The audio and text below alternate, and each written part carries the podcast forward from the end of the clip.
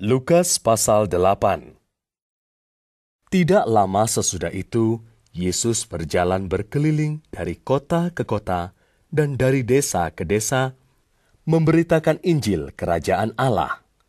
Kedua belas muridnya bersama-sama dengan dia, dan juga beberapa orang perempuan yang telah disembuhkan dari roh-roh jahat atau berbagai penyakit, yaitu Maria yang disebut Magdalena, yang telah dibebaskan dari tujuh roh jahat.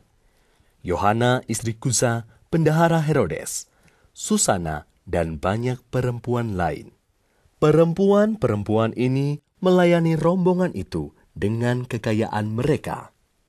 Ketika orang banyak berbondong-bondong datang, yaitu orang-orang yang dari kota ke kota menggabungkan diri pada Yesus, berkatalah ia dalam suatu perumpamaan. Adalah seorang penabur keluar untuk menaburkan benihnya. Pada waktu ia menabur, sebagian benih itu jatuh di pinggir jalan, lalu diinjak orang, dan burung-burung di udara memakannya sampai habis. Sebagian jatuh di tanah yang berbatu-batu, dan setelah tumbuh, ia menjadi kering karena tidak mendapat air. Sebagian lagi jatuh di tengah semak duri, dan semak itu tumbuh bersama-sama dan menghimpitnya sampai mati. Dan sebagian jatuh di tanah yang baik, dan setelah tumbuh, berbuah seratus kali lipat. Setelah berkata demikian, Yesus berseru, Siapa mempunyai telinga untuk mendengar, hendaklah ia mendengar. Murid-muridnya bertanya kepadanya, apa maksud perumpamaan itu? Lalu ia menjawab, Kepadamu diberi karunia untuk mengetahui rahasia kerajaan Allah. Tetapi kepada orang-orang lain hal itu diberitakan dalam perumpamaan, supaya sekalipun memandang, mereka tidak melihat, dan sekalipun mendengar, mereka tidak mengerti. Inilah arti perumpamaan itu. Benih itu ialah firman Allah yang jatuh di pinggir jalan itu ialah orang yang telah mendengarnya. Kemudian datanglah iblis, lalu mengambil firman itu dari dalam hati mereka, supaya mereka jangan percaya dan diselamatkan. Yang jatuh di tanah yang berbatu-batu itu ialah orang yang setelah mendengar firman itu menerimanya dengan gembira. Tetapi mereka itu tidak berakar. Mereka percaya sebentar saja dan dalam masa pencobaan mereka murtad. Yang jatuh dalam semak duri ialah orang yang telah mendengar firman itu. Dan dalam pertumbuhan selanjutnya, mereka terhimpit oleh kekhawatiran dan kekayaan dan kenikmatan hidup, sehingga mereka tidak menghasilkan buah yang matang. Yang jatuh di tanah yang baik itu ialah Orang yang setelah mendengar firman itu menyimpannya dalam hati yang baik dan mengeluarkan buah dalam ketekunan. Tidak ada orang yang menyalakan pelita lalu menutupinya dengan tempayan atau menempatkannya di bawah tempat tidur. Tetapi ia menempatkannya di atas kaki Dian supaya semua orang yang masuk ke dalam rumah dapat melihat cahayanya. Sebab tidak ada sesuatu yang tersembunyi yang tidak akan dinyatakan, dan tidak ada sesuatu yang rahasia yang tidak akan diketahui dan diumumkan.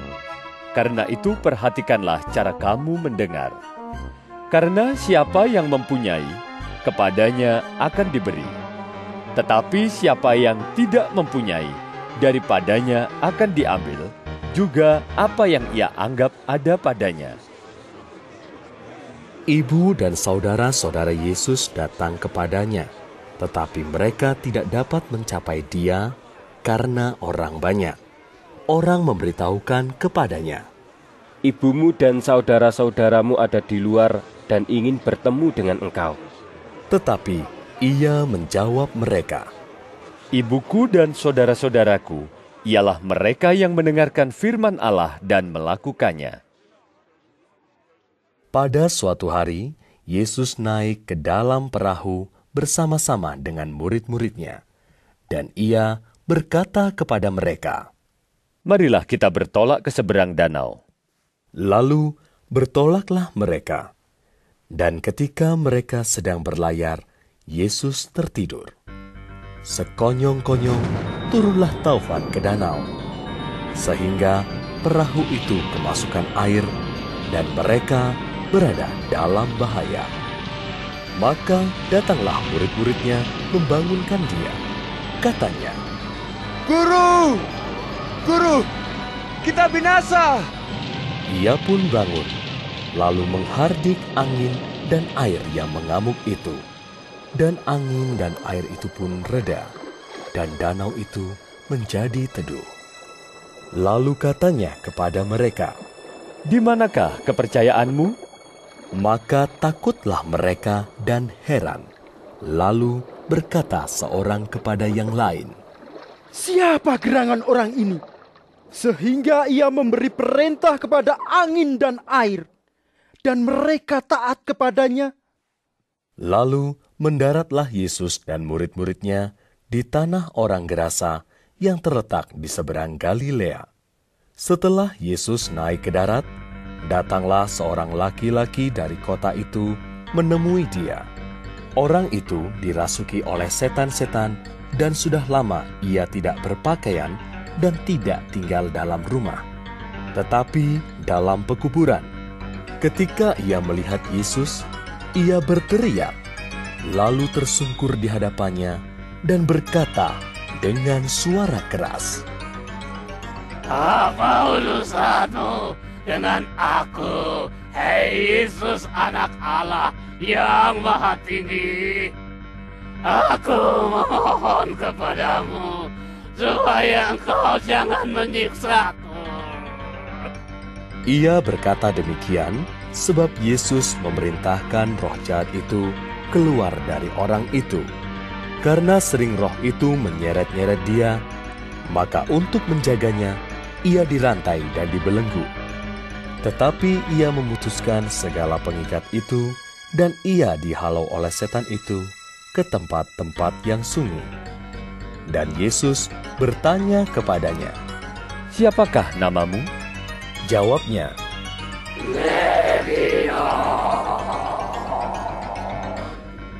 karena ia kerasukan banyak setan. Lalu setan-setan itu memohon kepada Yesus supaya ia jangan memerintahkan mereka masuk ke dalam jurang maut. Adalah di sana sejumlah besar babi sedang mencari makan di lereng gunung. Lalu setan-setan itu meminta kepada Yesus supaya ia memperkenankan mereka memasuki babi-babi itu. Yesus mengabulkan permintaan mereka. Lalu keluarlah setan-setan itu dari orang itu dan memasuki babi-babi itu. Kawanan babi itu terjun dari tepi jurang ke dalam danau, lalu mati lemas. Setelah penjaga-penjaga babi itu melihat apa yang telah terjadi, mereka lari lalu menceritakan hal itu di kota dan di kampung-kampung sekitarnya. Dan keluarlah orang-orang untuk melihat apa yang telah terjadi. Mereka datang kepada Yesus dan mereka menjumpai orang yang telah ditinggalkan setan-setan itu duduk di kaki Yesus. Ia telah berpakaian dan sudah waras. Maka takutlah mereka. Orang-orang yang telah melihat sendiri hal itu memberitahukan kepada mereka bagaimana orang yang dirasuk setan itu telah diselamatkan. Lalu seluruh penduduk daerah Gerasa meminta kepada Yesus supaya ia meninggalkan mereka, sebab mereka sangat ketakutan. Maka naiklah ia ke dalam perahu, lalu berlayar kembali. Dan orang yang telah ditinggalkan setan-setan itu meminta supaya ia diperkenankan menyertainya. Tetapi Yesus menyuruh dia pergi. Katanya, Pulanglah ke rumahmu, dan ceritakanlah segala sesuatu yang telah diperbuat Allah atasmu. Orang itu pun pergi mengelilingi seluruh kota dan memberitahukan segala apa yang telah diperbuat Yesus atas dirinya. Ketika Yesus kembali, orang banyak menyambut dia, sebab mereka semua menanti-nantikan dia. Maka datanglah seorang yang bernama Yairus. Ia adalah kepala rumah ibadat. Sambil tersungkur di depan kaki Yesus, ia memohon kepadanya supaya Yesus datang ke rumahnya.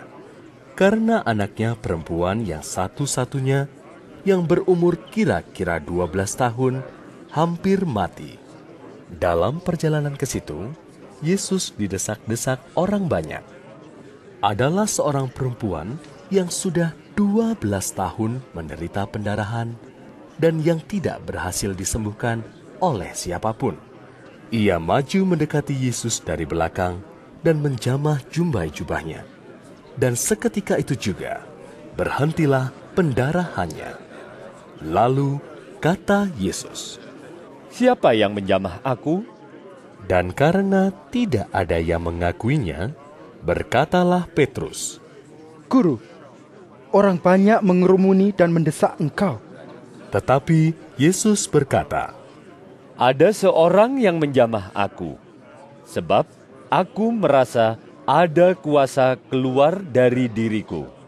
Ketika perempuan itu melihat bahwa perbuatannya itu ketahuan, ia datang dengan gemetar, tersungkur di depannya, dan menceritakan kepada orang banyak apa sebabnya ia menjamah dia, dan bahwa ia seketika itu juga menjadi sembuh.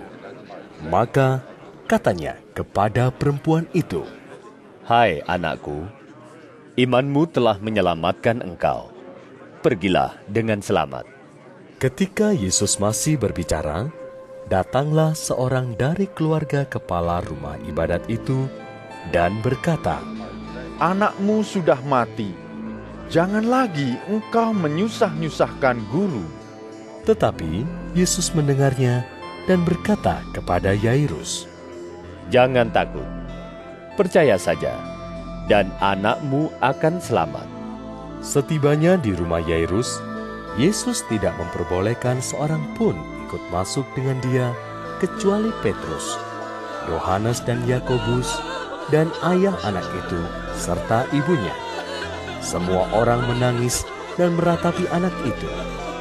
Akan tetapi, Yesus berkata, Jangan menangis, ia tidak mati, tetapi tidur. Mereka menertawakan dia karena mereka tahu bahwa anak itu telah mati. Lalu Yesus memegang tangan anak itu dan berseru. Katanya, Hai anak, bangunlah. maka kembalilah roh anak itu, dan seketika itu juga ia bangkit berdiri. Lalu Yesus menyuruh mereka memberi anak itu makan. Dan takjublah orang tua anak itu. Tetapi Yesus melarang mereka memberitahukan kepada siapa pun juga apa yang terjadi itu. Lukas pasal 9 Maka Yesus memanggil kedua belas muridnya, lalu memberikan tenaga dan kuasa kepada mereka untuk menguasai setan-setan dan untuk menyembuhkan penyakit-penyakit. Dan ia mengutus mereka untuk memberitakan kerajaan Allah dan untuk menyembuhkan orang. Katanya kepada mereka, Jangan membawa apa-apa dalam perjalanan. Jangan membawa tongkat atau bekal, roti atau uang, atau dua helai baju. Dan apabila kamu sudah diterima dalam suatu rumah, tinggallah di situ sampai kamu berangkat dari situ. Dan kalau ada orang yang tidak mau menerima kamu, keluarlah dari kota mereka dan kebaskanlah debunya dari kakimu sebagai peringatan terhadap mereka. Lalu pergilah mereka, dan mereka mengelilingi segala desa sambil memberitakan Injil dan menyembuhkan orang sakit di segala tempat.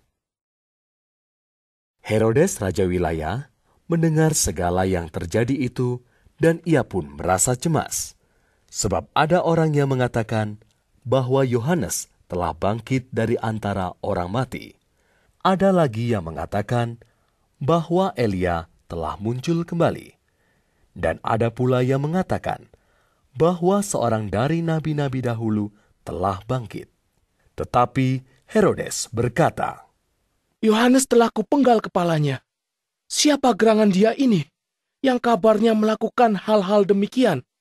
Lalu ia berusaha supaya dapat bertemu dengan Yesus. Sekembalinya, rasul-rasul itu menceritakan kepada Yesus apa yang telah mereka kerjakan. Lalu Yesus membawa mereka dan menyingkir ke sebuah kota yang bernama Betsaida, sehingga hanya mereka saja bersama Dia. Akan tetapi, orang banyak mengetahuinya, lalu mengikuti Dia. Ia menerima mereka dan berkata-kata kepada mereka tentang kerajaan Allah, dan ia menyembuhkan orang-orang yang memerlukan penyembuhan. Pada waktu hari mulai malam, datanglah kedua belas muridnya kepadanya dan berkata, Suruhlah orang banyak itu pergi, supaya mereka pergi ke desa-desa dan kampung-kampung sekitar ini untuk mencari tempat penginapan dan makanan karena di sini kita berada di tempat yang sunyi. Tetapi ia berkata kepada mereka, Kamu harus memberi mereka makan. Mereka menjawab, Yang ada pada kami tidak lebih daripada lima roti dan dua ikan. Kecuali kalau kami pergi membeli makanan untuk semua orang banyak ini. Sebab di situ ada kira-kira lima ribu orang laki-laki. Lalu ia berkata kepada murid-muridnya, Suruhlah mereka duduk berkelompok-kelompok, kira-kira 50 orang sekelompok. Murid-murid melakukannya dan menyuruh semua orang banyak itu duduk. Dan setelah ia mengambil lima roti dan dua ikan itu, ia menengadah ke langit, mengucap berkat, lalu memecah-mecahkan roti itu dan memberikannya kepada murid-muridnya supaya dibagi-bagikannya kepada orang banyak. Dan mereka semuanya makan sampai kenyang. Kemudian dikumpulkan potongan-potongan roti yang sisa sebanyak dua belas bakul. Pada suatu kali, ketika Yesus berdoa seorang diri, datanglah murid-muridnya kepadanya. Lalu ia bertanya kepada mereka. Kata orang banyak, siapakah aku ini? Jawab mereka, Yohanes Pembaptis. Ada juga yang mengatakan Elia. Ada pula yang mengatakan bahwa seorang dari nabi-nabi dahulu telah bangkit. Yesus bertanya kepada mereka. Menurut kamu, siapakah aku ini? Jawab Petrus. Mesias dari Allah. Lalu Yesus melarang mereka dengan keras, supaya mereka jangan memberitahukan hal itu kepada siapa pun.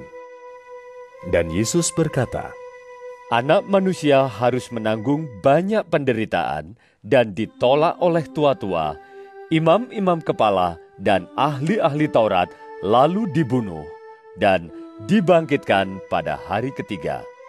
katanya kepada mereka semua, Setiap orang yang mau mengikut aku, ia harus menyangkal dirinya, memikul salibnya setiap hari, dan mengikut aku. Karena barang siapa mau menyelamatkan nyawanya, ia akan kehilangan nyawanya. Tetapi barang siapa kehilangan nyawanya karena aku, ia akan menyelamatkannya. Apa gunanya seorang memperoleh seluruh dunia, tetapi ia membinasakan atau merugikan dirinya sendiri?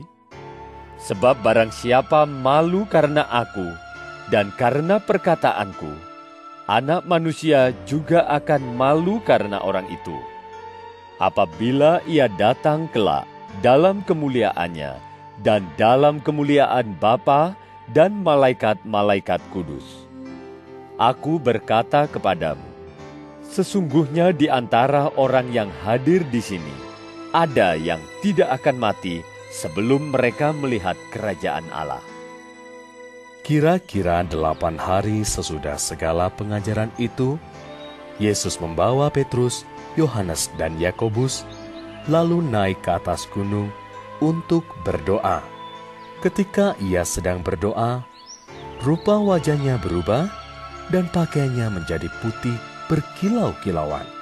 Dan tampaklah dua orang berbicara dengan dia, yaitu Musa dan Elia.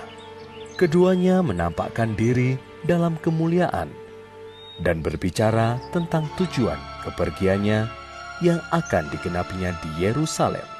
Sementara itu, Petrus dan teman-temannya telah tertidur. Dan ketika mereka terbangun, mereka melihat Yesus dalam kemuliaannya dan kedua orang yang berdiri di dekatnya itu. Dan ketika kedua orang itu hendak meninggalkan Yesus, Petrus berkata kepadanya, Guru, betapa bahagianya kami berada di tempat ini. Baiklah kami dirikan sekarang tiga kemah. Satu untuk engkau, satu untuk Musa, dan satu untuk Elia. Tetapi Petrus tidak tahu apa yang dikatakannya itu. Sementara ia berkata demikian, datanglah awan menaungi mereka. Dan ketika mereka masuk ke dalam awan itu, takutlah mereka. Maka terdengarlah suara dari dalam awan itu yang berkata, Inilah anakku yang kupilih. Dengarkanlah dia. Ketika suara itu terdengar, nampaklah Yesus tinggal seorang diri. Dan murid-murid itu merahasiakannya. Dan pada masa itu, mereka tidak menceritakan kepada siapa pun apa yang telah mereka lihat itu. Pada keesokan harinya, ketika mereka turun dari gunung itu, datanglah orang banyak berbondong-bondong menemui Yesus. Seorang dari orang banyak itu berseru, katanya, Guru, aku memohon supaya engkau menengok anakku, sebab ia adalah satu-satunya anakku. Sewaktu-waktu ia diserang roh, lalu mendadak ia berteriak, dan roh itu menggoncang-goncangkannya sehingga mulutnya berbusa. Roh itu terus saja menyiksa dia dan hampir-hampir tidak mau meninggalkannya. Dan aku telah meminta kepada murid-muridmu supaya mereka mengusir roh itu, tetapi mereka tidak dapat. Maka kata Yesus, Hai kamu angkatan yang tidak percaya dan yang sesat. Berapa lama lagi aku harus tinggal di antara kamu dan sabar terhadap kamu? Bawa anakmu itu kemari. Dan ketika anak itu mendekati Yesus, setan itu membantingkannya ke tanah dan menggoncang-goncangnya. Tetapi Yesus menegur roh jahat itu dengan keras dan menyembuhkan anak itu, lalu mengembalikannya kepada ayahnya. Maka takjublah semua orang itu karena kebesaran Allah. Ketika semua orang itu masih heran karena segala yang diperbuatnya itu, Yesus berkata kepada murid-muridnya, Dengarlah dan camkanlah segala perkataanku ini. Anak manusia akan diserahkan ke dalam tangan manusia. Mereka tidak mengerti perkataan itu, sebab artinya tersembunyi bagi mereka, sehingga mereka tidak dapat memahaminya, dan mereka tidak berani menanyakan arti perkataan itu kepadanya. Maka timbullah pertengkaran di antara murid-murid Yesus tentang siapakah yang terbesar di antara mereka. Tetapi Yesus mengetahui pikiran mereka. Karena itu, ia mengambil seorang anak kecil dan menempatkannya di sampingnya, dan berkata kepada mereka, Barang siapa menyambut anak ini dalam namaku, ia menyambut aku. Dan barang siapa menyambut aku, ia menyambut dia yang mengutus aku. Karena yang terkecil di antara kamu sekalian, dialah yang terbesar. Yohanes berkata, Guru, Kami lihat seorang mengusir setan demi namamu. Lalu kami cegah orang itu, karena ia bukan pengikut kita. Yesus berkata kepadanya, Jangan kamu cegah, sebab barang siapa tidak melawan kamu, ia ada di pihak kamu. Ketika hampir genap waktunya Yesus diangkat ke surga, ia mengarahkan pandangannya untuk pergi ke Yerusalem, dan ia mengirim beberapa utusan mendahului dia. Mereka itu pergi, lalu masuk ke suatu desa orang Samaria untuk mempersiapkan segala sesuatu baginya. Tetapi orang-orang Samaria itu tidak mau menerima dia, karena perjalanannya menuju Yerusalem. Ketika dua muridnya, yaitu Yakobus dan Yohanes, melihat hal itu, mereka berkata, Tuhan, apakah engkau mau supaya kami menyuruh api turun dari langit untuk membinasakan mereka? Akan tetapi, ia berpaling dan menegur mereka. Lalu mereka pergi ke desa yang lain. Ketika Yesus dan murid-muridnya melanjutkan perjalanan mereka, berkatalah seorang di tengah jalan kepada Yesus, Aku akan mengikut engkau, ke mana saja engkau pergi. Yesus berkata kepadanya, Serigala mempunyai liang dan burung mempunyai sarang. Tetapi anak manusia tidak mempunyai tempat untuk meletakkan kepalanya. Lalu ia berkata kepada seorang lain, Ikutlah aku. Tetapi orang itu berkata, Izinkanlah aku pergi dahulu menguburkan papaku. Tetapi Yesus berkata kepadanya, Biarlah orang mati menguburkan orang mati. Tetapi engkau, pergilah dan beritakanlah kerajaan Allah di mana-mana. Dan seorang lain lagi berkata, Aku akan mengikut engkau Tuhan, tapi izinkanlah aku pamitan dahulu dengan keluargaku. Tetapi Yesus berkata, Setiap orang yang siap untuk membajak, tetapi menoleh ke belakang, tidak layak untuk kerajaan Allah.